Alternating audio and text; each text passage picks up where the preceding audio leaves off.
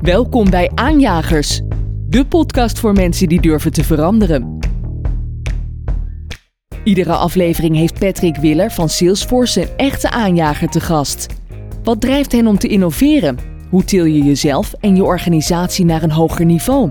In deze podcast vertellen we je hoe je aan de slag kunt om een aanjager te worden. Ik, ik maak nu ge slash misbruik, maar het is geen misbruik, gebruik van mijn, mijn kleine impact op de wereld, um, die iets groter is dan de impact die de meeste mensen op de wereld hebben, om ook vanaf het, uh, vanaf het podium toch heel sterk die sustainability mee binnen te smokkelen. En in de hoofden van mensen te krijgen dat ik hoop dat het taalgebruik verandert en dat we binnenkort niet meer moeten praten over sustainable bedrijven, maar dat we het één op één gaan hebben over non-sustainable bedrijven. Punt. En dat stuk, dat klinkt veel te zwaar, dat stuk opvoedende, dat probeer ik wel een beetje um, te leren bijna van, uh, van, mijn, van mijn kleinkinderen. Zij voeden mij nu terug op en dat probeer ik door te zetten. Deze aflevering praten we met Rick Vera, futuroloog, keynote-spreker, schrijver en expert in klantgerichtheid. Hallo lieve luisteraars, daar zijn we weer met de nieuwe uitzending van Aanjagers. En ik zit hier weer met een, uh, een hele mooie gast. En ook uh, hier rechts van mij zit, uh, zit Bob. Hey, ja. goeiedag jongen. Hi Patrick, fijn, fijn dat ik er weer bij mag zijn als wisselende sidekick. Ja, dat is niet echt een wisselende sidekick op deze manier. Maar ik vind het heel fijn dat je er weer bij bent, Bob. Hey, ik wilde jou wat, wat vragen eigenlijk. Um, Ga jij wel eens naar congressen waar keynotes worden gegeven? Uh, ja, uh, daar ben ik in het verleden ook wel geweest. Um, kan, je nog, kan je nog herinneren eentje die echt eruit sprong? Wat was voor jou een... Uh...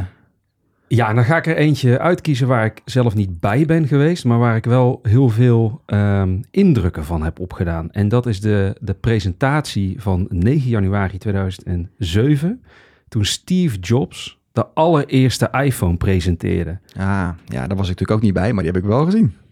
Ik ken, ja. de, ik ken de woorden. Ja, Rick... iPhone is like having your life in your pocket. It's the ultimate digital device. Ja. En iedereen werd helemaal gek toen dat gebeurde. En het grappige is, het is nu 15 jaar geleden dat die, uh, dat die iPhone gepresenteerd is. En als je nu die keynote kijkt, dan zie je eigenlijk iets heel vreemds. Dan zie je dat Steve Jobs het heeft over je kunt met je vinger je telefoon bedienen. Je hebt geen pen meer nodig. Dat was zeg maar zijn kracht. Je kunt door te pinchen kun je in- en uitzoomen. En het grappige is, als je het bekijkt met de bril van toen, was ik helemaal in ah, hoe kan iemand eigenlijk zo'n saai product als technologie zo gepassioneerd en zo mooi en strak uh, uh, laten zien? Terwijl dat als je nu terugkijkt, zie je eigenlijk, hij heeft het over functionaliteiten, technische functionaliteiten, maar niet over wat het mij gaat brengen. Ja, maar uh, hij, uh, trouwens, dat fragment, vandaar dat ik het helemaal uit het hoofd uh, ken, is een van mijn vaste elementen in elk van mijn keynotes. Gewoon omdat het achteraf bekeken um, ja, een kantelpunt is geweest. En ik denk dat we achteraf zelfs gaan zeggen in de menselijke geschiedenis. Het, de komst van de iPhone, de komst van de smartphone, er waren al smartphones, maar de manier waarop hij dat bracht en hoe zijn product de wereld veroverd heeft en daardoor ook de wereld veranderd heeft. Het heeft veranderd hoe we met elkaar omgaan en uh, hoe dus de samenleving georganiseerd is. En voor alle bedrijven heeft het daardoor betekend dat hun businessomgeving veranderd is. Zonder de iPhone en zonder de manier waarop uh, Steve de iPhone in de wereld heeft gezet, zouden we misschien nu mobile zijn, mm, maar misschien ook niet. Het is heel moeilijk om dat te achterhalen. Maar het feit dat hij een telefoon tot, tot dan was, uh, was het de cellphone. Hè? Uh, Nokia zei de cellphone. En ineens werd de cellphone the ultimate digital device. The, your life in your pocket. En dat is zo profetisch dat je kan zeggen: dit wordt je leven. Het is niet in je zakken, hè? het is je leven dat je constant in je hand hebt. En ik, uh, ik heb het over keynotes en ik val nu meteen met de deur in huis. Maar in mijn keynote vraag ik ook uh, heel vaak, zeker als het voor een zaal is, uh, helemaal bij het begin, neem allemaal jullie smartphone. En haal even diep adem, want wat ik nu ga vragen aan jullie vraagt moed en doorzettingsvermogen. En geef nu die smartphone even door aan je buurman of je buurvrouw. Nou kan je aangeven dat twee, drie minuten en soms vijf minuten de hele zaal overhoop staat. Ik ben vijf minuten kwijt, maar ik heb wel heel duidelijk mijn punt gemaakt. En daarna kun je daarop verder bouwen. En wat gebeurt er dan als je die uh, exercitie doet? Dus ik geef nu mijn telefoon nou, aan de, Bob men, en mensen, ik krijg wij, telefoon. mensen weigeren. De, de, hele zaal staat letterlijk overhoop. Want je, je, geeft je leven ineens aan je buurman of buurvrouw. En dat gevoel heb je Je ineens. vraagt ze om het te unlocken en dan mogen ze even kijken bij elkaar. Nou, dat, dat doe ik, dat doe ik niet. Want dan ben ik ze tien minuten kwijt. Dan ben ik ze Ah, kwartier kwijt. Dan, eh, dan, dan is mijn tijd op. Dat kan je dus niet maken. Maar het is even aanhalen. Kijk, een, een van, de, van de cruciale vragen is voor bedrijven, hoe kan het nog relevant zijn voor mensen en maatschappij in 2035? En dan word ik zo aangekeken, Rick, waarom begin je over 2035?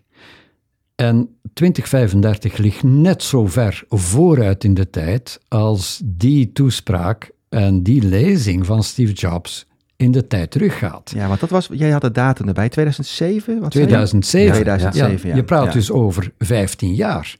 2022 plus 15 is 2037. Dus 2035 ligt zelfs korter bij.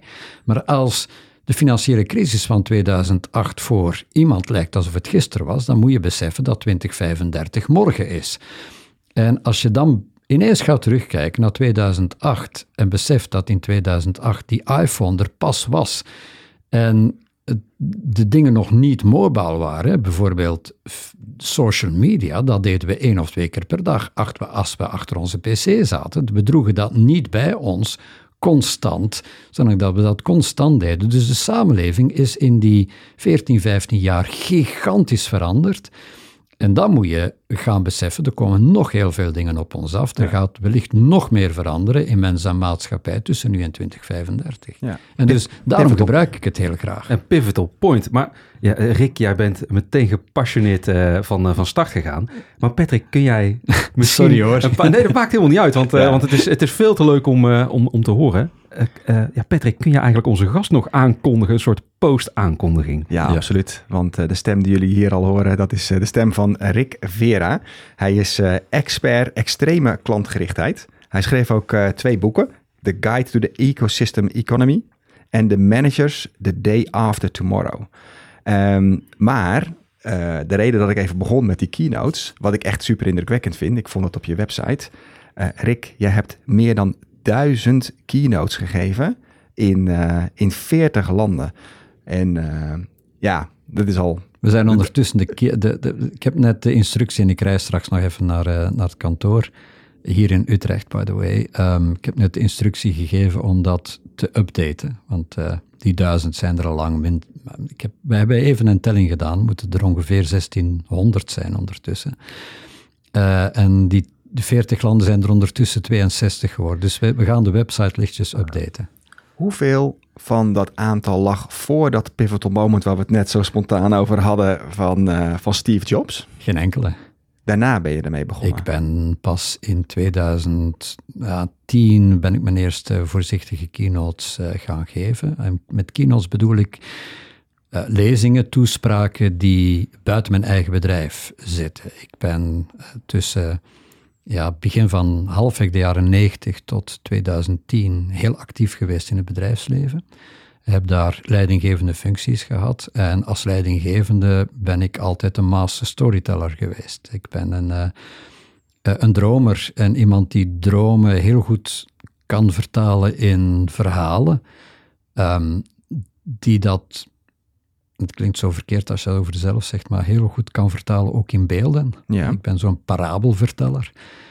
En dat deed ik wel al heel graag en heel vaak binnen een organisatie. Dus er zit wel een, een verlengstuk met wat ik nu doe Ja, natuurlijk. maar, toen noemde je het nog niet keynotes Nee, eigenlijk. niet, Maar nee. je stond wel dus als... eh, je was directeur van... jij van, Ja, van eh, ik, ik, heb, ik heb, ben business unit manager geweest, ik ben CEO geweest, ik heb eh, bedrijven geleid, ik heb afdelingen geleid. Dus ja. dus toen had je wel een verhaal, een soort keynote voor een groep van mensen... om gewoon de hele organisatie toe te spreken. ja, en om mensen te motiveren, mensen te inspireren. En dat is in wezen niet anders dan wat ik nu doe. En ooit ben ik mijn leven, mijn carrière na universiteit begonnen als leraar.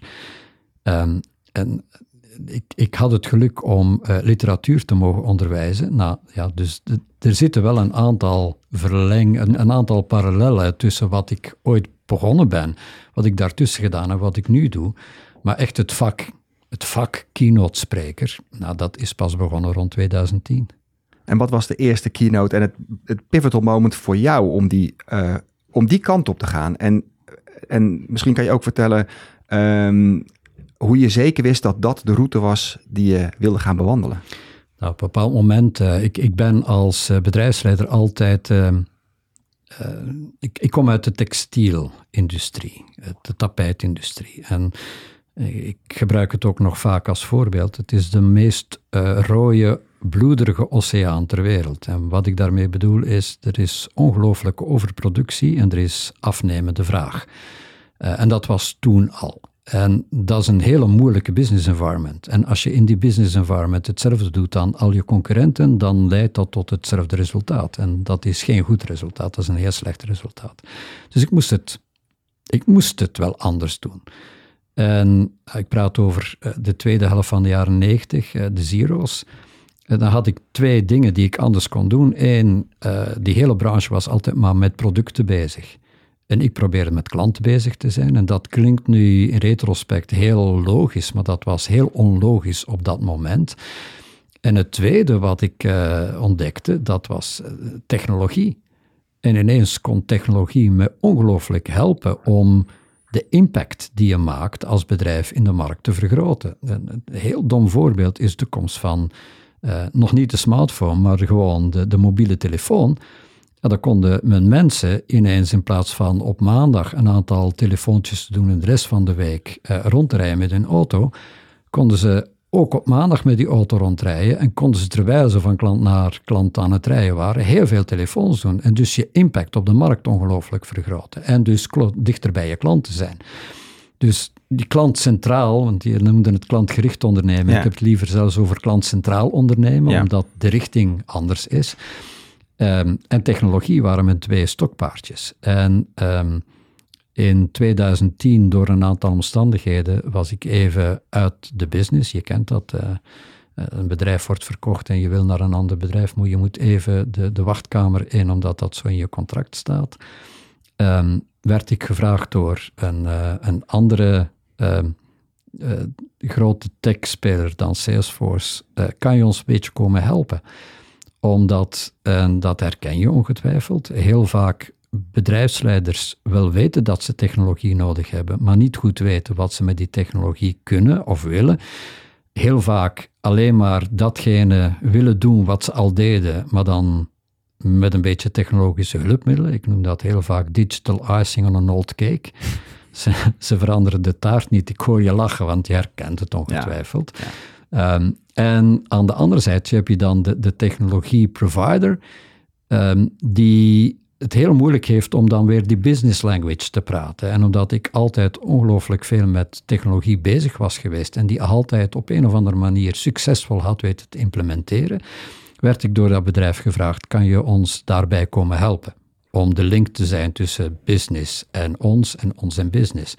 En ik werd echt de, de grootst mogelijke en de meest indrukwekkende boardrooms binnengestuurd. De boardrooms van de Coca-Cola's tot in Atlanta. Maar je bent er eigenlijk een beetje ingerold. Dus ben ik het, is, erin het, is, gerold. het is geen bewuste keuze geweest ja. om te zeggen van nou, ik ga me nu focussen op het nee, geven en dan, van die En dan kom je die boardrooms binnen en ik deed whiteboard sessions, dus ik bracht eigenlijk niks mee. Maar ik merkte al heel snel, nou ik moet de eerste 10, 15 minuten moet ik wel een inleidend verhaal doen. Ja. Om, om de geest open te zetten en dan kunnen we beginnen werken. Nou, dat is eigenlijk de origine van, uh, van mijn keynotes. En op een bepaald moment vroeg dat bedrijf: hey, kan je dat ook een keer op een podium komen doen? En uh, tot mijn grote verbazing zaten er een paar duizend bedrijfsleiders um, voor me in de zaal. En deed ik mijn, mijn, mijn, wat ik normaal voor 10, 15 mensen deed binnen een boardroom, deed ik ineens voor een heel groot publiek. En ik merkte dat als je dat voor een heel groot publiek doet, dat eigenlijk makkelijker is dan als je dat in een kleine besloten boardroom doet. Dus ja. ik kreeg veel meer respons uit de zaal. Nou, dat geeft een kick. En ik weet dat ik uh, daarna de telefoon heb ge gegrepen, naar mijn vrouw heb gebeld en gezegd, ik heb gevonden wat ik wil doen. Eindelijk, na al die jaren. Ja, dat is prachtig, hè? Ja, ik, uh, maar het, ik herken wat jij zegt, hè. Voor een hele kleine groep mensen spreken en uitdrukkingen zien en discussies uitwisselen. Ja, dan stel je eigenlijk misschien wel kwetsbaarder op dan voor een groep van duizenden mensen. Ja, maar je hebt, je hebt ook het imposter-syndroom dat je een beetje hebt. Hè. Je wordt ineens de boardroom binnengestuurd. Ik heb echt de, Ik heb met, met de top van Coca-Cola gepraat. Ik heb op een bepaald moment met de top van Boeing gepraat. En je wordt er binnen gestuurd als de specialist die hen even komt vertellen wat ze met technologie kunnen. En dan wandel je zo'n zo'n zaal binnen. Dan denk ik, wie ben ik om dit hier te komen doen? Ja. En dan blijkt dat wel te werken. Omdat je net heel nieuwsgierig en heel open bent. En eigenlijk geen middelen binnenbrengt. Je brengt eigenlijk weinig van jezelf binnen. Behalve het feit dat je durft te luisteren, durft te ontvangen, durft net als een onbeschreven blad binnen te komen en hen dat blad laat volschrijven. En dat wordt dat blad volgeschreven, letterlijk in dit geval de muren worden volgeschreven. En dan zitten zij daarna te kijken van, hey, hebben wij dit bedacht? En jij bent enkel het medium geweest dat dat waar heeft gemaakt. En dat heeft mij geholpen, hey, ik... ehm, ik, ik hoef daar niet bang van te zijn om die boardrooms binnen te lopen en die mensen wel een gedeelte te inspireren, een stukje mee te nemen in mijn verhaal. En dan merk je dat je op een of andere manier wat je geleerd hebt om voor je eigen mensen te doen, dat dat ook werkt voor andere mensen. En dat als je dat heel goed doet, zelfs die impact, eh, als je het dan over impact hebt, eh, niet op, op het bedrijf zelf, maar de impact die ik ondertussen probeer te maken, ehm, ja, dan kun je dat eh, het beste doen vanaf een podium, omdat je dan meer, letterlijk meer impact hebt. Je hebt meer mensen in de zaal. En als je bij al die mensen een, een, één draadje in, in, in dat, dat stekkerbord kan veranderen, dan is dat veranderd. En als dat bij veel mensen gebeurt, dan maak je impact. En, maar het is toch ook alweer twaalf jaar geleden dat je kon putten uit jouw rol als eh, business unit manager. Eh, wat zijn, hoe hou je nu eh, de juiste trends bij? Heb jij een team van mensen wat jou adviseert? Ehm, hoe laat je je leiden? Wat het, de onderwerpen zijn van de keynotes die nu relevant zijn? Ik, ik las vandaag, en ik heb er al op gereageerd op de sociale media, ik las vandaag een artikel dat ehm, de, wij, wij onze leegheid ehm, eh, vullen met, met onze smartphone. Nou, ik ben het daar niet mee eens. Ik, ehm, ik ben altijd zo geweest dat ik lege momenten vul. Eh, lege momenten bestaan voor mij niet. Ik heb te weinig lege momenten, want ik vul ze altijd. En eh, dit is een ongelooflijke bron van informatie, als je daarvoor open staat. Ik vind het geweldig om elk leeg moment die telefoon open te trekken en artikels te lezen. En ik heb nooit een plan wat ik ga lezen, want meestal komt het wel op je tijdlijn op je af en er zijn voldoende tijdlijnen die je tegelijkertijd op die smartphone binnenkrijgt. En dat is nog altijd mijn grootste bron van informatie. Ehm, en dan word je door iets getriggerd en dan kun je beginnen deepdiven. Dan begin je deepdiven, hey, bestaan daar podcasts over? Hey, bestaan daar verder artikels over? En eh, af en toe raak je dan in een soort wormhole, eh, waarbij uh, Wikipedia-gewijs van het ene onderwerp in het andere rolt en ineens eh, op, iets, op iets stoot waarvan je niet eens wist dat het bestond en waarvan je denkt, hé, hey, maar hier kan ik iets mee. Nou zag ik toevallig een hele leuke post van jou voorbij komen. Hij schreef iets dat zei van... Business managers should buy a pair of Facebook Oculus glasses... and watch Stranger Things on Netflix. Ja. Dus ik kan me helemaal voorstellen hoe, die, hoe dat dan bij elkaar komt als jij zit te scrollen. Uh, nou heb ik zelf Stranger Things niet gezien. Maar ik weet wel heel goed wat uh, de Oculus Quest doet. Daar doen we ja. vrij veel mee. Nou, dan, dan, kan ik jou aanvullen. Ik heb Stranger Things Oké, okay, dus samen komen we er dan uit. Er maar kijk, maar dan hebben we het over parallellen. Hè? Er is een hele mooie parallel. Um, met Stranger Things. Stranger Things, één, het, het, speelt zich af in een dorpje in de goede oude, zo kijken we ernaar, de goede oude analoge tijd. Late jaren tachtig, de goede oude analoge tijd, waar digitaal er nog niet was.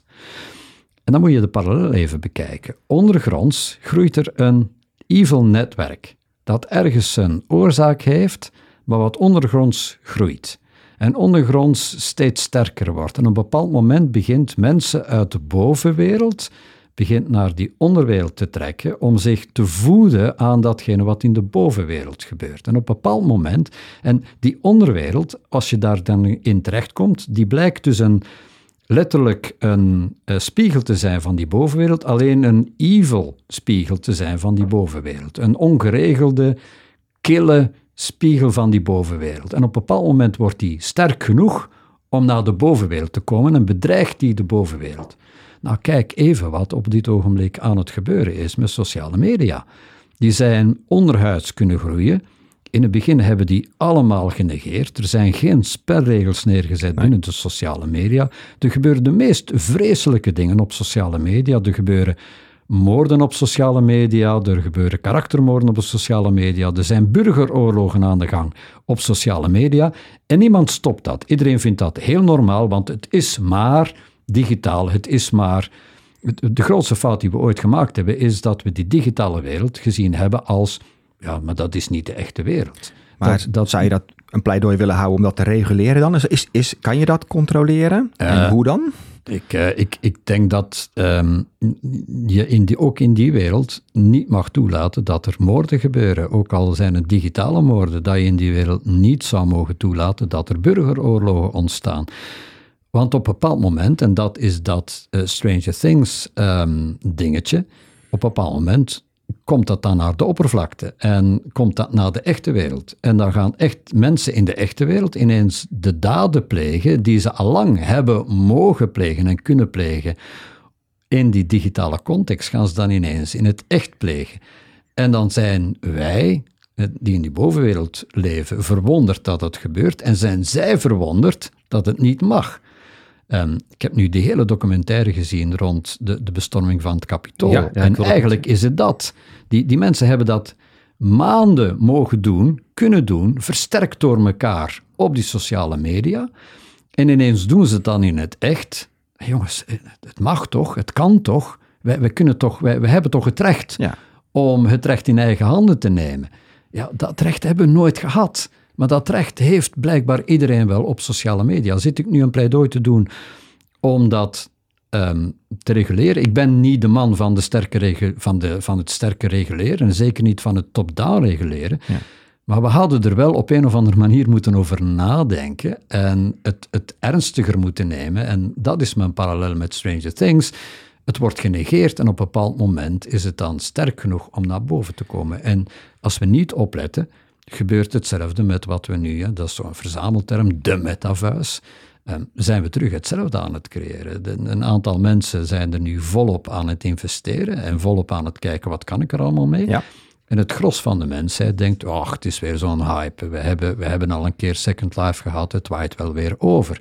Ja, zien ze het als een hype of hebben ze gewoon weerstand omdat er een bepaalde mate van onbegrip is wat daar nou precies gebeurt? Het is altijd een combinatie, ja. van, het is altijd een combinatie van die dingen. Het is altijd ja. een combinatie van, ik begrijp het niet en dus negeer ik het liever dan het te proberen begrijpen. En verschuil ik men dat ik het niet begrijp achter een heel pak andere argumenten, vooral om, en daarom ja. uh, is dat artikel ook geschreven. Het, uh, het, het, het, is de titel van een, um, een long read, en dat heet nu een long read, hè? een long read. Dat is, is mooi, hè? Goede artikelen het is langer dan, tegenwoordig een long read. Ja, langer dan 150 tekens, tegenwoordig is al een long read. maar het is ook zo begonnen. Het, eerst was de vraag, Rick, kan je een blog schrijven over uh, Web3 en de metaverse. En dan begin je erin te verdiepen en dan denk je, nou, een blog, dat lukt niet. Dus dan, uh, dat had ik uh, al even verwittigd. Het wordt een, een, een, wat langere versie. Een, een blog is nu, je mag nog 500, 600 woorden in een blog stoppen. Um, dan wordt het al wat langer en dan zei ik van, ik denk dat ik rond de 2000 woorden ga uitkomen. Het zijn uiteindelijk 60 bladzijden geworden. Um, omdat je gewoon, dit onderwerp is zo alomvattend, dat je, dat je het niet oppervlakkig mag doen. En vooral als je het dan probeert te schrijven voor de niet nuits. En ik ben geen nuit. Ik moet mezelf, hè, ik ben een oude man. Hè. Ik ben, volgend jaar word ik 60. Als je 60 bent, ik was 30 als het internet in mijn leven kwam, dan moet je gigantisch je eigen brein stretchen om die nieuwe dingen te proberen begrijpen. En dat heb ik altijd als mijn voordeel ge gezien. Ik, ik heb zelf mijn brein moeten stretchen om het te begrijpen. Ja. Dan kan ik denk ik het ook beter doorvertalen voor mensen die hun brein moeten stretchen om... Ik kan het niet vertalen voor iemand die in de metaverse denkt. Ik kan blockchain niet vertalen voor iemand die in blockchain denkt. Maar ik kan blockchain wel vertalen in de metaverse en Web3 wel vertalen voor mensen die, net als ik, hun brein moeten stretchen ja. om op een of andere manier dat een plek te geven. Ik vind dat heel mooi wat je daar uh, zegt. Doe me denken aan een quote van Douglas Adams, de schrijver van de Hitchhiker's Guide of the Galaxy. Ja, ja. En, 42, uh, hè? Uh, wat zeg je? 42. 42. Wat ah, 42, ja, ik heb hem. Ik moest even kijken. Heel goed. Maar die quote, hij zegt daar, eh, als ik kijk ook hem goed naar voren kan halen, als je geboren wordt in het leven en al deze technologische ontwikkelingen zijn gewoon heel normaal. Ja. En dat merk ik heel goed eh, als ik met mijn kinderen in de auto zit en er staat radio op en er staat een liedje op wat ze irriteert. Dan zeggen ze, ja, skip even naar het volgende liedje. En dan probeer ik dus aan mijn zoon, die is tien, uit te leggen, eh, dit is radio, ik kan dit niet skippen. Het is heel moeilijk überhaupt om dan terug te gaan in de tijd en dat concept uit te leggen. Ja. En die quote gaat ook verder. Alles wat tussen ongeveer de leeftijd tussen 15 en 35 is, eh, dat is exciting. Dat is, dat is interessant. Daar kan je een carrière uitmaken. Maar alles wat na 35 is, ja, dat is eigenlijk tegen de natuurlijke orde van dingen. En dan moet je dus ook inderdaad je brein echt stretchen Ja. om dat eh, te bevatten. En dat vind ik heel mooi aan wat jij zegt, dat je dat dan ook behapbaar probeert te maken. En heel erg moeilijk om een concept zoals de metaverse, wat echt weer een nieuwe Ja, maar ook Web, Web 3. Ik heb nu het geluk om, om voor de Vlaamse overheid een, een aantal dingen te mogen doen. En ik heb het geluk om daar te mogen samenwerken met Zuid-Tim. En als Zuid-Tim begint over eh, Web 3, hij noemt het niet Web 3, hij noemt het veel liever het, eh, het semantische web. Als je dat begint uit te leggen aan mij, na, na tien seconden ben ik, ben ik verloren, ben Ja. ik I'm, I'm Ja. lost. Ja. Dus als, als nog, sorry, nog even, als- toch even terug naar die quote, hè? want je, je, je geeft het advies aan business managers om dan een VR-bril op te zetten en daar naar te kijken. Er zit een heel artikel bij. Kan je nou ook in één, twee zinnen vatten wat dat advies dan is? Wat, wat zou de takeaway voor zo'n business manager moeten zijn?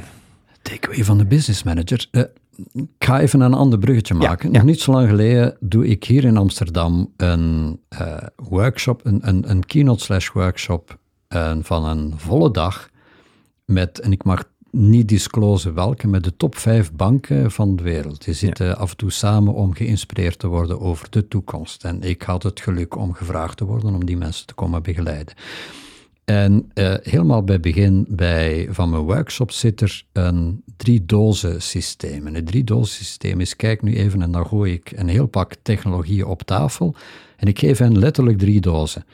En ehm, de groene doos is, stop daarin al die technologieën die, waarvan je denkt dat je die gewoon kunt negeren. Wordt niks. Ehm, gaat mijn business niet beïnvloeden. De oranje doos is, hmm, het, het zou best wel een keer mijn business kunnen beïnvloeden. Dat betekent dat je het in de oranje doos stopt en dat je er wel tijd en aandacht aan geeft. Misschien niet jijzelf, maar binnen je organisatie wel zegt, hé hey jongens, dit moeten we Ja. in de gaten houden. En de rode doos, die wil je liefst leeg hebben, dat is de scream and run doos. Daar liggen die dingen in waar, waar je het absoluut gemist hebt en je ineens beseft van, oeh, ik kijk op en ik sta op het strand en er staat ineens een tsunami voor mij en ik had die eigenlijk kunnen zien komen. Ja. Nou, ik doe die oefening. En ehm, kan je aangeven dat blockchain, eh, NFT's, crypto, eh metaverse bij alle vijf die banken in de groene doos terechtkomt. De doos moeten wij geen aandacht aan besteden. Ja, dat is al contradictorisch, want ik weet dat binnen een Een aantal van die banken... die geen aandacht besteedt aan crypto. Ik- dat is op ik- zich heel interessant. Nou, ik, ik, heb, ik, ik heb het dan over de top. Hè. Wat, Ja. wat, ik, ik zei net, het is heel contradictorisch, want ik weet dat binnen die banken er wel mensen mee bezig zijn. Ja. Maar de top zegt, maar eigenlijk, dat kunnen we negeren. Nou, wat verderop ehm, geef ik een volgende opdracht. En de volgende opdracht is, ehm, je krijgt 10 minuten, je mag je telefoon niet raadplegen. Ehm, probeer even blockchain uit te leggen. Eh, Je hebt het achterloos in de groene doos gelegd, kan je het uitleggen? Ehm, de volgende opdracht is, probeer in 10 minuten even de metaverse uit te leggen. Nou, geen van hen slaagt er ook maar van dicht of van ver in om blockchain uitgelegd te krijgen en de metaverse uitgelegd te krijgen, maar het ligt wel in de groene doos. Dus vandaar het pleidooi van duik er even in, ervaar het even voordat je het zomaar weglegt als och, maar dit is niet echt, dit is een virtuele wereld. Iedereen die zo'n Oculus Glass al een keer op zijn, op zijn hoofd heeft gehad, we hadden het geen glasses mogen noemen, het is nog altijd een halve helm dat je op je kop moet zetten, Ehm, maar dan ervaar je hoe snel je brein dit aanvaardt als een realiteit. Niet Ja. als de realiteit, maar als een realiteit. Ja, nou, dat vind, dat, dat vind ik een heel mooi advies inderdaad. Want mensen oordelen over het principe wat ze op een afstand eng vinden. Ja. En je merkt bijvoorbeeld bij mensen die, een, eh, die gamen, dat die al een natuurlijke voorsprong hebben om de leap te maken van oké, ik zit in een 2D scherm te kijken en zo ziet mijn ervaring 3D uit. En ik vind het wel eens een keer leuk om te Mhm. proberen. Als je dat bijvoorbeeld niet gedaan hebt, dan is het al een enorme leap om een metaverse voor te stellen. Ja. Ja, eh, ik ben, ik ben, ehm, eh, ik hou van technologie. Ik, alles wat nieuw is op gebied van, eh, van IT, technologie, Ik ook. ik hou ervan. Maar ik hou ervan als een gebruiker. Ik ben geen eh, eentjes en nulletjes, geen programmeur. Ik kan misschien wel iets van code lezen, maar daar houdt het wel mee op. Ik had het gevoel dat toen ik voor de eerste keer eh, die Microsoft HoloLens op mocht zetten. Dat ding was toen volgens mij 10.000 dollar en die mocht je dan als bedrijf mocht je die importeren. En iemand zette die bij mij op, op mijn hoofd en die zei, kijk, nu kun jij gewoon, eh, wat waren het, iets van vliegtuigjes kun je, of, of, of het, het- poppetjes, wezentjes kun je neerschieten. Ik denk, ja, dat is heel leuk. Dat is, dat is top, helemaal geweldig. Kijk, en hier zie je nu voor je een motor van een vliegtuig. En daar kun je omheen lopen. Ja. Ja, dat is geweldig, dat is heel leuk. Ik zeg, maar wat kan ik er nou mee? Als ik nu naar buiten loop en ik loop naar mijn klanten toe. En ik laat die poppetjes zien die je kunt neerschieten. En ik laat die motor zien.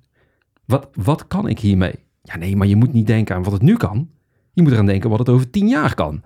En dan ben ik misschien heel beperkt erin. Maar ik zie dus nu die HoloLens is gecanceld. En er gebeurt te weinig mee. Maar dat, ik denk dat mensen de creativiteit niet hebben om het in een business case te Ja. kunnen stoppen. Maar je even twee Ja, dingen 100%. op. op- Ik ja. ben daar heel eh, eh, Ik- ik- benieuwd naar hoe dat jij Ja, daarnaar kijkt. Ik, ik herken het eh, helemaal. Eén, eh, ik, ik ben absoluut geen eentjes en nulletjes, kan zelfs niet coden. Dus ik, eh, ik zit nog een beetje achter zelfs op jou. Eh, maar ehm, eh, de eerste keer als ik zo'n lens eh, opkreeg, en je hebt net het bedrijf genoemd waar ik die eerste keynotes voor gedaan heb trouwens, ehm, weet ik dat mijn aha-moment was op het ogenblik dat je, iedereen kent dat, je, je probeert iets te tekenen, en ik deed wel veel whiteboard sessions, en je probeert iets te tekenen, en je hebt altijd, maar het is heel moeilijk om die derde as te tekenen op een bord. Ja. En ineens in die driedimensionele wereld kon ik in drie dimensies iets uitleggen aan mensen. Je kon ineens die derde as ook zetten, en je kon de impact van die derde as op die eerste twee assen laten zien. En ik voelde me ineens heel, bijna gehandicapt op het ogenblik dat ik terug in de tweedimensionele... Ja. De jongens, dit is ook een driedimensionele wereld, maar sommige dingen kan ik niet driedimensioneel weergeven in deze wereld. Dat kan ik wel in die virtuele wereld. Dus ik voelde me ineens op dat vlak beperkt in deze, wat we nog altijd reële wereld noemen. En wat vond ik die digitale wereld op dat moment veel interessanter voor dat ding. Dat is een eerste. Ehm, eh, en dat heeft me echt wel geprikkeld. En dan even inpikkend op dat gebrek aan ehm, verbeeldingsvermogen. Ehm, ik, ik, eh, ik noem dat het, het goede fee-principe. Ehm, waarom noem ik dat het goede fee-principe? Omdat in een van de Disney-films, in Cinderella, zit de scène waarin Assepoester naar het bal wil. En je weet dat ze zit in lompen en ze heeft niks om naar het bal te gaan. En dan komt de goede fee met die pompoen en met die muizen. Ja. En dan zit er een ongelofelijke scène. Ik ben niet zo'n Disney-fan, maar dan zit je met je kleinkinderen naar Disney te kijken. En dan, eh, dan hou ik ook daar quotes uit die ik dan in mijn keynote kan gebruiken. Op een bepaald moment zegt de goede fee, maar als ze poester, ke- leer een, keer, leer een keer naar de dingen niet te kijken zoals ze zijn, maar zoals ze, zoals ze zouden kunnen worden. Don't look at things as they are, but look at things as they can become. En dat is iets wat we in het bedrijfsleven of in ons dagelijkse leven veel meer zouden moeten kunnen. En kinderen hebben daar geen problemen mee. Geef die twee Lego-blokjes en of drie en het is een vliegtuig. En dat soort verbeeldingsvermogen moeten we, denk ik, terug beginnen aanwakkeren. Heb jij ook het idee dat augmented reality op het punt staat van doorbreken? Gaat Apple weer zo'n legendarische keynote doen, zoals ze in 2007 deden met de telefoon, met een augmented reality bril? Of is het daar nog, het, de- is de maatschappij daar nog niet rijp genoeg voor? Ehm, de een, ik, ik denk niet dat, de, ook achteraf bekijken, noemen we het, en terecht het, dat iPhone-moment het iPhone-moment, maar dat is geen Big Bang geweest. Het is bij heel veel mensen ongemerkt voorbij gegaan. En ik denk dat we pas in 2015 beginnen beseffen zijn welke impact dat ding heeft gehad. Tuurlijk, Eh, ook Nokia had het ja. pas door in 2015. Hè? Eh, Niet eerder dan, dan dat moment van, hey, dit betekent wel wat. Ehm, dus het wordt geen Big Bang. Het wordt zo'n langzaam binnenkomen van. Uh, is de technologie ver genoeg? Ik betwijfel het op dit ogenblik. Gaat het ooit wat worden? Absoluut. Ja. Um, Ja. Absoluut. Die, die driedimensionele wereld is veel te fascinerend. Um, en ons brein wordt daar zo snel aan, en dat klinkt dan verkeerd, aan verslaafd. Er komen een aantal impulsen in je brein binnen die je. En je brein is uiteindelijk wat beslist wat je realiteit vindt en wat niet. Um, ja, dat, het brein vindt het fascinerend. Je kan dan ook elke realiteit daadwerkelijk vormgeven en designen zoals jij die Ja. wil. En dat is natuurlijk veel te appealing voor mensen. Dus Ja, en, en dat zit ook in die, die longread die ik geschreven heb. Um, ik maak de vergelijking met de schilderkunst en de fotografie. nou, voilà. De, de, ja. ja. en Van je, 2D je weet meteen, je naar- weet ja. meteen waar, ik, waar ik naartoe wil. Um, de, de schilderkunst tot de komst van de fotografie was voornamelijk, we gaan proberen de realiteit, in dit geval de driedimensionele realiteit, vatten in een tweedimensionele context. Op een bepaald moment komt er een technologie die dat veel efficiënter kan. Die, die, die neemt een foto en meteen heb je 3D gereduceerd tot 2D. Um, en dat is tegelijkertijd bevrijding geweest van de schilderkunst.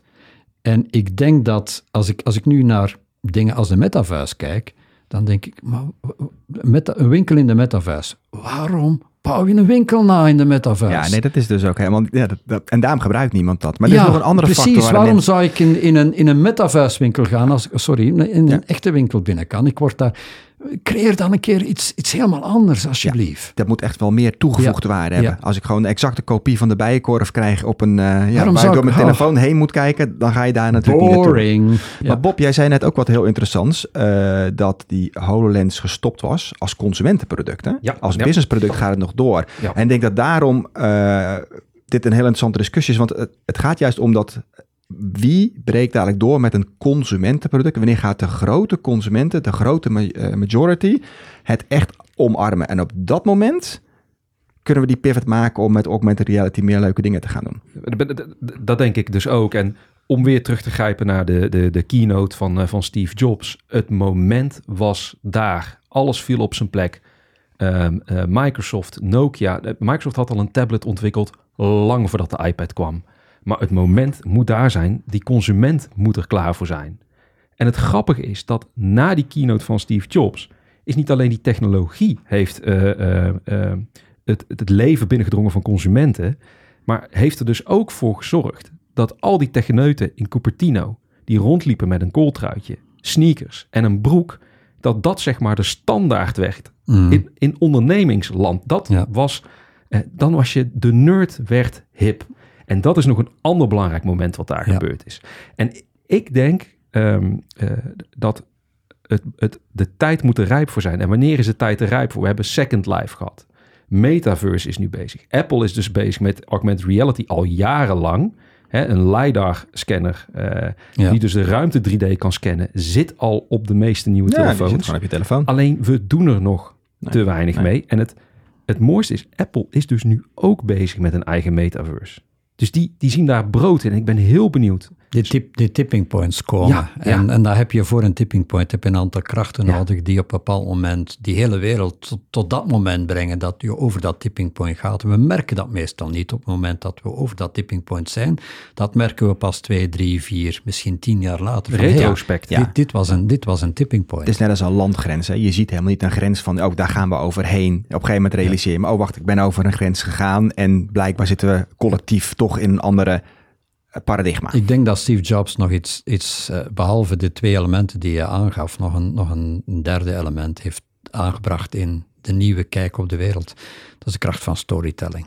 Ehm, dat, dat is een ongelooflijke, je, je verwijst naar de keynote, dat, dat is die storytelling die hij ongelooflijk kon. En dat is ondertussen zo vaak, hebben mensen geprobeerd om dat soort productintroducties te doen op de manier dat Steve Jobs het doet. Ik heb nog altijd geen voorbeeld gezien van iemand die dat kan zoals hij dat kon. En zijn fascinatie voor, en je gaf het al aan, een fascinatie voor de interface. Niet voor het product, maar voor de manier waarop wij met het product omgaan, is ook iets wat, wat heel eigen is aan Steve Jobs. Het feit dat hij doorgaat dat de makkelijkste interface zijn gewoon onze vingers. En je kan geen makkelijker interface bedenken dan je vingers. Het, het, touchscreen en het gebruiken van een aantal, een, een, aantal gestures op, op dat touchscreen, dat is de makkelijkste interface die je kan bedenken. En de makkelijkste interface wint het altijd van een niet makkelijke interface. Eigenlijk was Steve Jobs de aap die een andere aap een stok gaf. Hier kun je ook mieren mee uit de mierenhoop krijgen in plaats van met je handen. Hè. Hij gaf ons die, die tooling om te kunnen gebruiken in ons voordeel. Hmm. Ehm, maar ik denk als we het gaan hebben over pivotal moments, eentje die nog kort geleden heeft plaatsgevonden, en ik weet Rick dat dat ook nog steeds een drijfveer voor jou is, is natuurlijk wat COVID-19 met ons en met de wereld heeft gedaan. Ja, al ben ik ook af en toe wat ehm, in eerste instantie denk je, oh, eigenlijk is het teleurstellend, want we, we lijken heel sterk naar het oude normaal terug te, te gaan. Um, maar anderzijds is dat ook niet abnormaal. Ik denk dat we net in die, ik noem het heel graag de twilight twenties terechtgekomen zijn. De zone tussen dat um, uitdovende oude normaal. Het is, uh, het is geen bubbel die uit elkaar barst, het oude normaal. Ik eh, vergelijk het graag, ik heb er net het beeld al gebruikt, hè, van zo'n, eh, als, als de kleinkinderen een ballon opblazen, na, na zeven weken ziet dat ding er niet meer uit. Hè. Dat is langzaam leeglopen. Dat is geen mhm. bubbel die gebarsten is, dat is zo'n ballon die begint uh, rimpelig te worden en in elkaar begint te zakken. De lucht verdwijnt daaruit. Ik denk dat aan het gebeuren is met de oude wereld. En natuurlijk geeft hij niet zomaar op. Uh, die, die, die vecht terug op, op alle mogelijke manieren. En je merkt een hele sterke drang enerzijds naar conservatief denken. En ik heb het niet alleen over politiek, maar ik heb het algemeen in de wereld. En anderzijds dat nieuwe dat eraan zit te komen, dat heel sterk gedreven wordt door technologie, maar ook door een andere manier van kijken naar hoe gaan we met de mens om, hoe gaan we met de planeet om. Zijn we wel op de goede manier bezig? Nee, we weten eigenlijk dat we niet op de goede manier bezig zijn. Ehm, maar dat betekent dat we verlangen naar, oké, maar wat is het dan wel? En dan, dat is er nog niet. Dus dan grijp je, de menselijke geest grijpt dan heel makkelijk terug naar, maar dat andere, dat kennen we. Ja. En in retrospect vinden we altijd het, het verleden mooier dan het uiteindelijk is geweest. Dus we hebben een stuk verlangen naar het goede oude, terwijl dat eigenlijk niet zo goed was. Vooral omdat er voor ons een soort leegte ligt. Een leegte van dingen die nog aan het geschreven worden. En daarbij zie je dan dat je ehm, twee mogelijkheden hebt, ook als bedrijf. Of je blijft je vasthaken aan dat oude. En dat is, uh, dat is die koelkast die niet aanvult en dat blijf je uiteten. Op een bepaald moment is die leeg. Je weet gewoon dat op een bepaald moment heb ik die leeg gevreten. Of je gaat winkelen. En dan ga je de, de wijde wereld in en je gaat kijken wat is het nieuwe wat ik in die koelkast ga stoppen. Bedrijven hebben nu meer dan ooit de mogelijkheid om hun eigen script te schrijven. En niet zomaar datgene te doen wat allemaal voor jou is uitgeschreven, maar nieuwe scripts te schrijven. Maar de meeste mensen vinden dat vrij scary om dat te doen, behalve een aantal die dat ongelooflijk aangrijpen als dit is nu de opportuniteit om een keer de dingen goed neer te zetten. En ik hoop dat we meer en meer het tweede type mensen krijgen, die de Twilight Twenties niet gaan zien als de zoon of Monsters and Creeps, maar als de zoon van Tremendous Opportunities. En, en um, hoe zorg jij ervoor als jij in een boardroom zit of je staat voor een grote groep mensen en misschien ik ga je niet vragen om jouw secret sauce eh, te verklappen nu eh, hier in deze podcast. Maar eh, is er een punt waarop jij merkt: hey, dit is een klik die ik zie bij bepaalde mensen die durven hun angst aan te gaan, die, die, die het oude durven te verlaten? Is dat een bepaald moment wat je, wat je bij mensen nou, ziet? Je, je probeert een, een, een keynote te bouwen, is zoals een, een goede roman schrijven. Ehm, ik heb literatuur gestudeerd, dan weet je ongeveer hoe je roman schrijft. Je moet eerst je intro hebben, je moet personages inleiden. Dan krijg je altijd zo in het begin, uh, loopt het allemaal goed voor de personages, dan krijg je op een bepaald moment dat het lijkt allemaal fout te lopen. Dat is de volta, dat is het, het kantelpunt binnen je roman. En dan krijg je op het einde, het, uh, komt alles samen op een of andere manier. Dan heb je één of twee bijna deus ex machina nodig. Zo. En bij ons is dat technologie die dan ineens de dingen weet samen te brengen en de goede oude waarden. Ehm, en dat doe je ook in zo'n keynote. Uh, op een bepaald moment kom ik op het aach-moment van oeh, oké, ehm, kijk eens wat er allemaal al veranderd is. En dat hebben we nog niet onder controle. En kijk eens wat er nog op je af zit te komen. Ik bedoel, als je echt als bedrijfsleider gaat nadenken en moet nadenken van, je moet met Web3 wat beginnen doen, maar met metaverse wat moet beginnen doen, moet rekening houden met, met, met blockchain en, en met smart contracts en er komt heel veel op je af.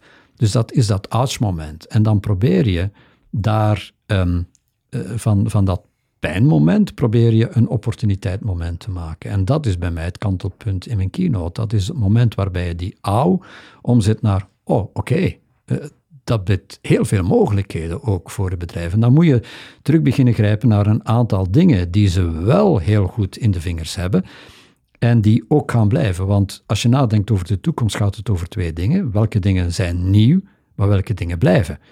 En een aantal van de heel diep mensen, wij blijven mensen. Onze context verandert, maar we blijven mensen. En als je dan dat menselijke aspect weet te verweven met die nieuwe technologieën en enkel zegt, de mens past zich altijd aan, de mens doet zelfs meer, de mens past niet alleen zich aan aan de omstandigheden, wij herschrijven de omstandigheden. En wij hebben dat tot nu toe altijd gekund als mens en als mensheid. Waarom zouden we dat nu niet kunnen met, met de nieuwe mogelijkheden? En als je mensen dan aanspreekt op um, binnen business, op hun entrepreneurship, van doe dat nou als ondernemer. Dit is een unieke kans als ondernemer om een keer niet de checklist manager te zijn, maar de scriptschrijvende uh, manager te zijn. Als je daarop weet te appelleren, dan gaan mensen meestal denk voor 90%, 99% buiten met, hey, geweldige opportuniteit, laat ik ermee starten. En geef je ze dan ook nog wat extra tools en tips, zo na die inspiratie, dat ze je geloven, dat ze denken van ja, ik moet hier wel wat mee. Het zit in die groene box en ik snap wel dat ik iets met metaverse, web3 of whatever die nieuwe technologie ook is, moeten doen.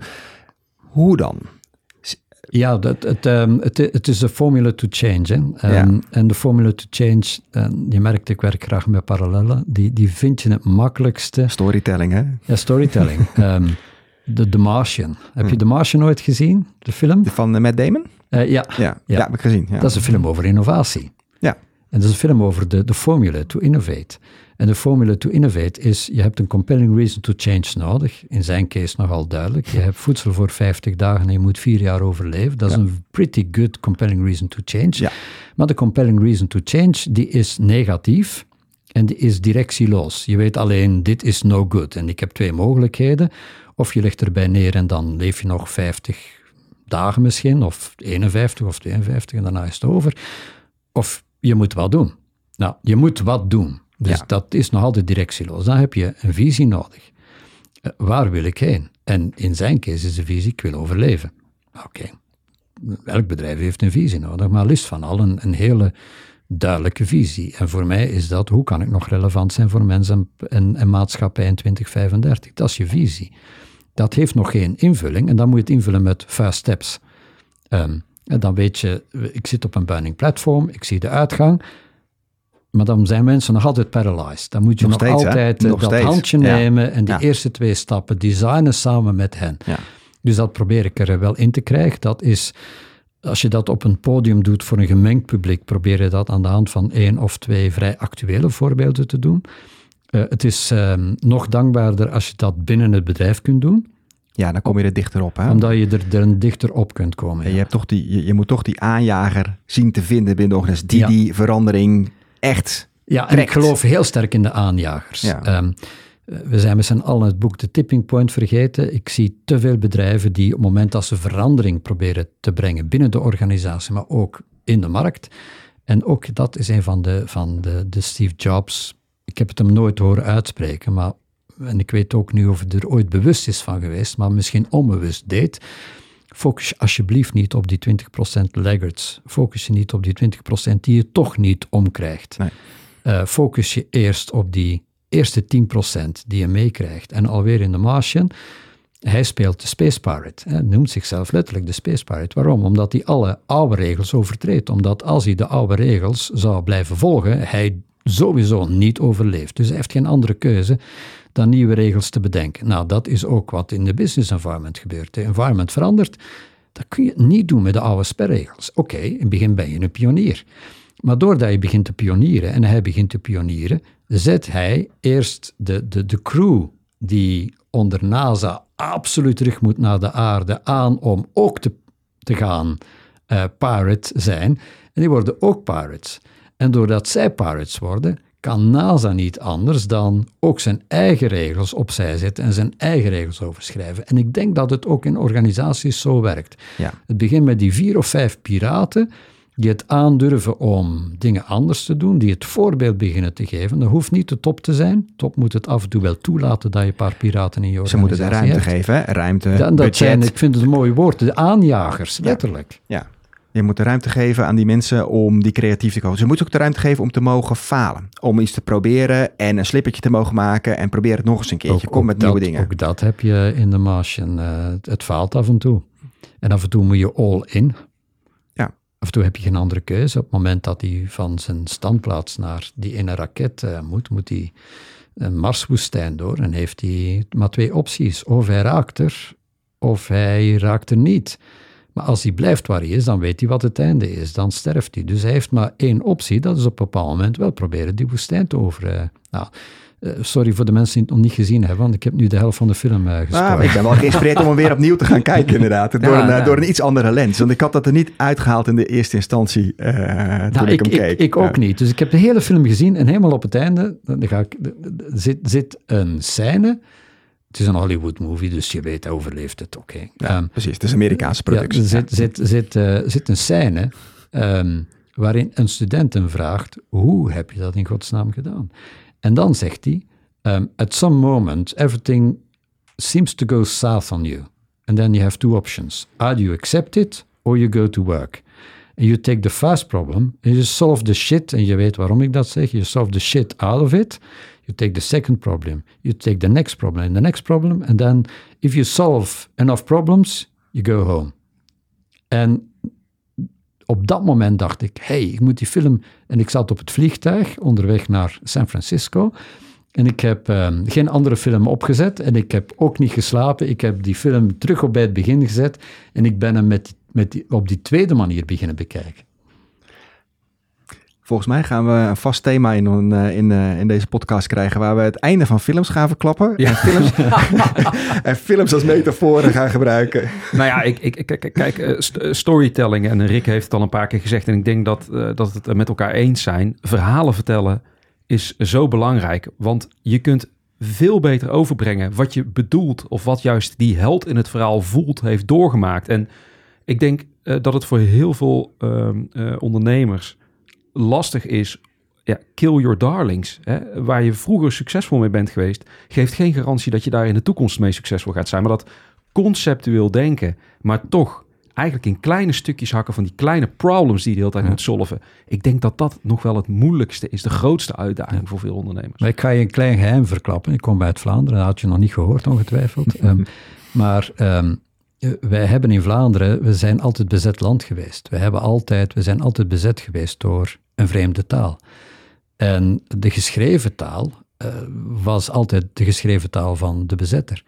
Dus ik, ik ga er nog altijd vanuit dat wij als storyteller geboren worden, omdat dat heel vaak de enige manier was om de, dingen aan elkaar door te geven, ongezien we geen eigen geschreven taal mochten hebben, heel vaak. Ehm, eh, en ehm, wij heel creatief moesten omgaan met de weinige ruimte die ons gelaten werd.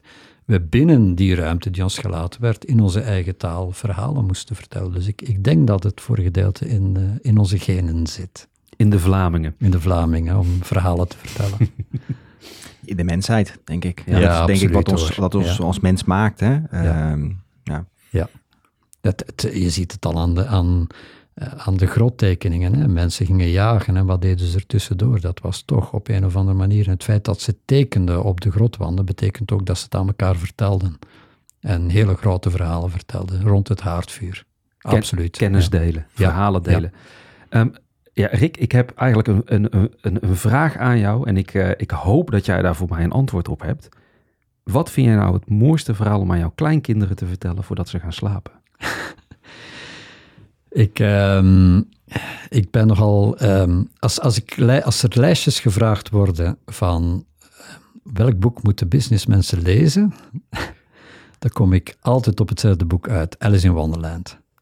Eh, dat, dat is waar we nu in zitten. In een onderste bovenwereld waar alles anders lijkt dan het is. En eigenlijk, als je erover nadenkt, dat het is wat het is. Ehm, een van de mooiste voorbeelden in Alice in Wonderland is de Red Queen, de, de Rode Koningin. En Alice, eh, die is altijd aan het hollen. Dus Alice vraagt er op een bepaald moment: waarom hol jij nu altijd? Waarom, waarom ben je altijd aan het rennen? En uh, de Red Queen zegt: in ons land uh, is het zo dat als je holt, dat je stilstaat. En als je ergens naartoe wilt, moet je dubbel zo hard rennen dan, dan je normaal rent. En dus inherent zegt ze, als je stilstaat, ga je achteruit. Nou, de, parallel met, met businessomgeving is er niet. En zo zit Alice in Wonderland vol quotes. Nu, het is een te moeilijk boek om één op één voor te lezen voor je kinderen, dus ik maak daar heel vaak mijn, uh, mijn eigen dingen van. Dan lees ik zo tien bladzijden in Alice in Wonderland. En dan maak ik er mijn eigen verhaaltje van. En dat is het verhaal wat ik uh, aan mijn kleinkinderen vertel. Bedankt voor de tip. Ik ga het vanavond proberen bij mijn, uh, bij mijn eigen kinderen. Ja. Dank je wel. Ja. Jij vertelde ons uh, eerder in het voorgesprek, Rick, dat een van de mooiste dingen die jou is overkomen, is het feit dat je grootvader bent geworden. Ja. Nou, en Bob refereert er net al aan, de verhalen die je dan voorleest. Maar kan je daar eens wat meer over vertellen? waarom is dat het mooiste wat je hebt meegemaakt? Omdat je, ik word vaak op het, op het podium aangekondigd als een futuroloog. En het eerste wat ik dan doe is zeggen, ik ben geen futuroloog en ik ben het wel. Ik ben geen futuroloog in die zin dat ik het aandurf om de toekomst te voorspellen. Ik kom daar straks graag even op terug. Uh, maar ik ben wel per, per definitie op dit ogenblik um, ongelooflijk begaan en bezig met de toekomst. Omdat ik aan de ontbijttafel, als ze samen met mij ontbijten, wat vrij vaak gebeurt, ik aan tafel zit met de toekomst. Uh, als we het uh, heel achterloos hebben over um, climate change, ik hou niet van dat woord, het is climate collapse. Um, als we het hebben over rising sea levels. En dan doen we achterloos, ja, maar dat is iets voor binnen 50 of binnen 75 of binnen 100 jaar. En tegen dan gaan we het wel bedacht hebben hoe we het gaan stoppen. Um, als ik dan uh, regeringsleiders uh, hoor afspreken dat we misschien een keer gaan stoppen met uh, uitstoot tegen 2050, dan denk ik, oh, we gaan dus nog even 20 jaar rustig door. Ja. En uh, dan komen we ongeveer op het punt dat we het gaan stoppen en dan laten we alles aan die volgende generatie. Dus ik ben me ongelooflijk bewust ineens van die volgende generatie. En ik voel mij, ik kom echt uit die generatie die achterloos, uh, wij, wij zijn de hoofdschuldigen en we horen dat niet graag, maar wij, onze generatie, mijn generatie, is wel een van de hoofdschuldigen van waar we nu zitten, omdat we er altijd achterloos mee omgegaan zijn. Nou, ik voel me schuldig en niet schuldig over hoe het toen was, want heel vaak wisten we niet beter, maar we weten nu wel beter. Ja. En um, ik, ik maak nu ge, slash misbruik, maar het is geen misbruik, gebruik van mijn, kleine impact op de wereld, um, die iets groter is dan de impact die de meeste mensen op de wereld hebben, om ook vanaf het, uh, vanaf het podium um, toch heel sterk die sustainability mee binnen te smokkelen. En in de hoofden van mensen te krijgen dat ik hoop dat het taalgebruik verandert en dat we binnenkort niet meer moeten praten over sustainable bedrijven, maar dat we het één op één gaan hebben over non-sustainable bedrijven. Punt. En dat we die met de vinger gaan wijzen. Met dat de zijn nodige, de outliers. Met, ja, met, ja. Met, de nodige, met de nodige minachting in onze stem. Um, dit zijn non-sustainable bedrijven. En dat wij, kijk, we, kunnen, we gaan het niet aan onze regeringen moeten laten. Ik denk dat wij met z'n allen verantwoordelijk zijn om na te denken, kopen we sustainable, gaan we sustainable met de dingen om. En dat stuk, dat klinkt veel te zwaar, dat stuk opvoedende, dat probeer ik wel een beetje um, te leren bijna van, uh, van, mijn, van mijn kleinkinderen. Zij voeden mij nu terug op en dat probeer ik door te zetten. En zit er nog een verschil in ten opzichte van je kinderen en je kleinkinderen? Oh ja, absoluut. Ja. Um, nou, dit, mijn kinderen zijn er gekomen midden in mijn eigen rat race.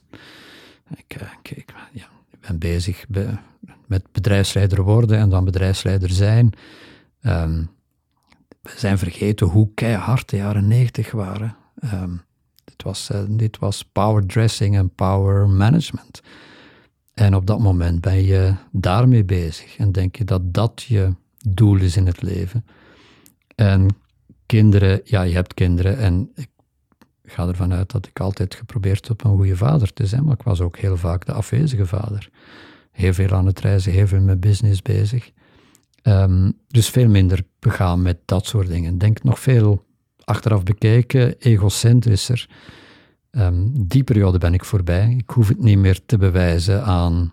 Het is alweer een quote uit de. We zitten hier bij de Vechtclub, um, uit de Fight Club. Dan ben ik weer met een movie. Oh, die staat ook bolvol. Uh, ja, precies. Ja. Uh, people buy stuff that they don't need with money that they don't have to impress people that they don't even know. Been there, done that. Ja.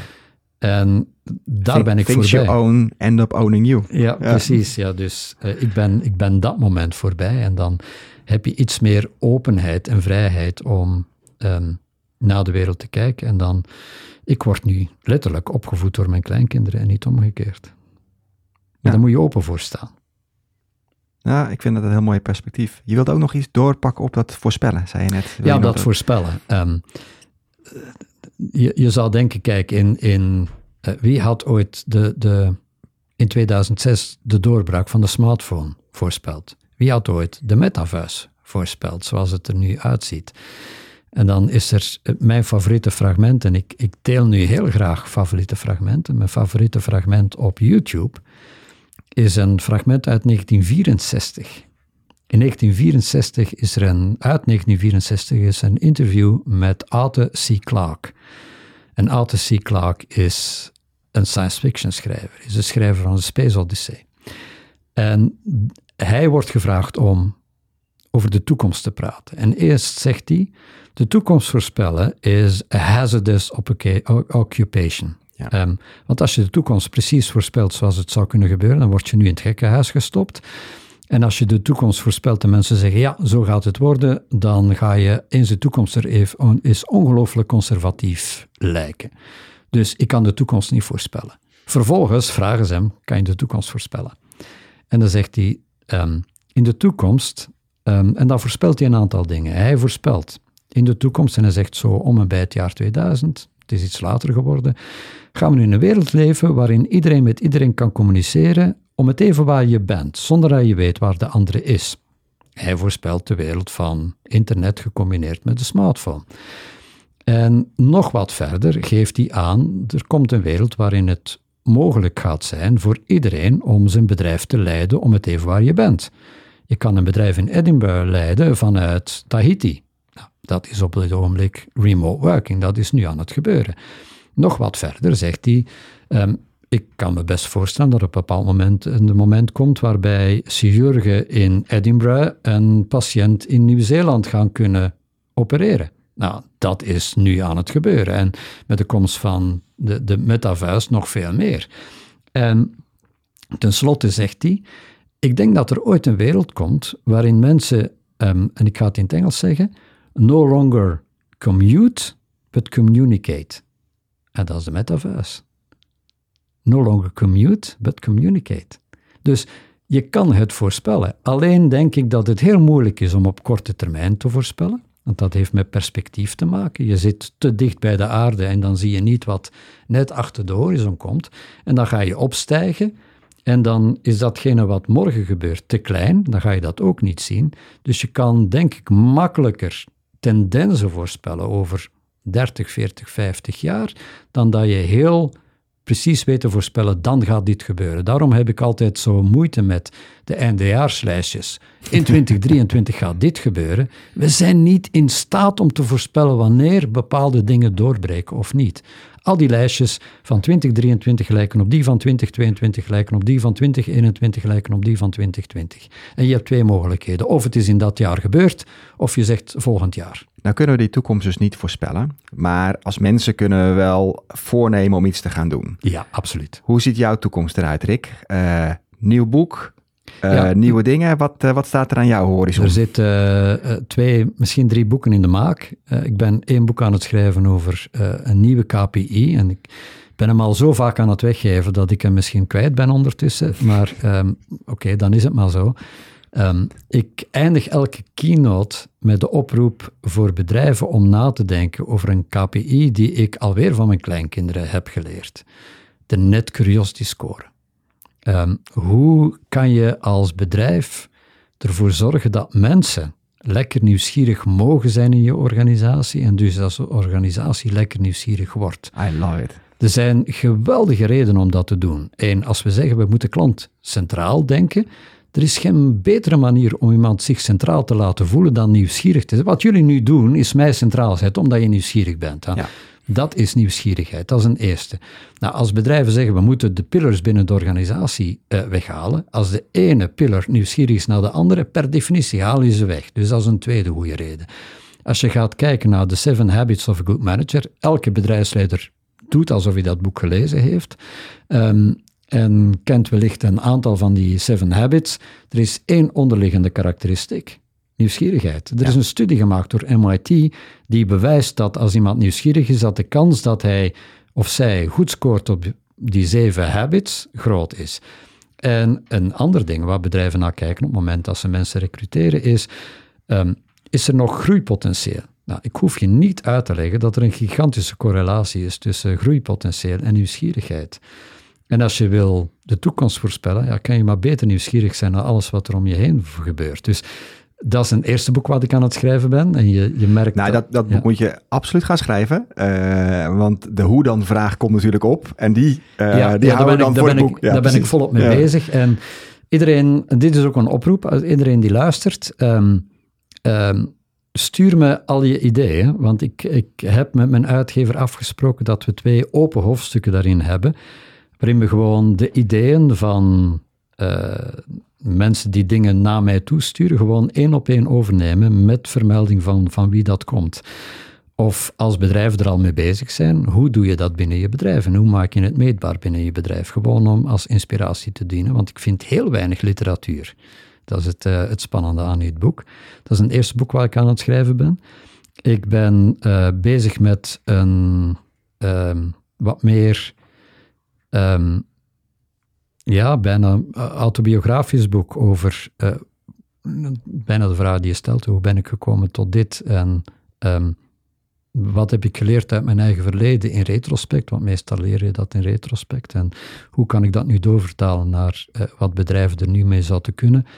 Ehm, het tweede boek van mij, The Guide to the Ecosystem Economy, zat al wat meer die persoonlijke touch in. Ehm, en dan ben ik met een, met een eh, businessboek bezig, waarin ik een combinatie maak van enerzijds een, het, het businessboek zelf en anderzijds de, de raamvertelling. Ehm, ik uitgesplitst in een aantal personages die nadenken en commentaar geven op datgene wat in het businessboek staat. Omdat ik het meestal nogal saai vind dat in een businessboek een mening wordt geponeerd, terwijl een mening zelden de mening of, of de waarheid Ja. is. En ik eerder in een soort eh, eh, eh, bijna oude Griekse traditie, dialoogstructuur over de dingen wil nadenken. En dat doe door een aantal personages te, te creëren die vanuit diverse invalshoeken, de wat meer eh, terug conservatieve, die ik ook af en toe heb, dat heeft iedereen een beetje, oh, is dat allemaal die newspeak, is dat allemaal wel... En dan de hele enthousiaste ehm, technology believer, dat ik dat wat uitsplits, want dat zit Ja. heel vaak ook zo uitgesplitst in mijn eigen hoofd. Maar dan, dan eh, speel je dus eigenlijk advocaat van de duivel op je eigen model. Ja, Ja, Ja. ja. Wat, wat je ook eigenlijk doet op het moment dat je model aan het bedenken bent, laten we eerlijk zijn. Ja, natuurlijk. Hè? Ja. Je moet kijken pros en cons. Of Ja. wat zou iemand anders daarvan Ja, vinden? precies. Oké, nou ik ben heel benieuwd. Ik ben nieuwsgierig. Dank je. Voorlopig eh, worden we nog wel geïnspireerd door, eh, door Rick.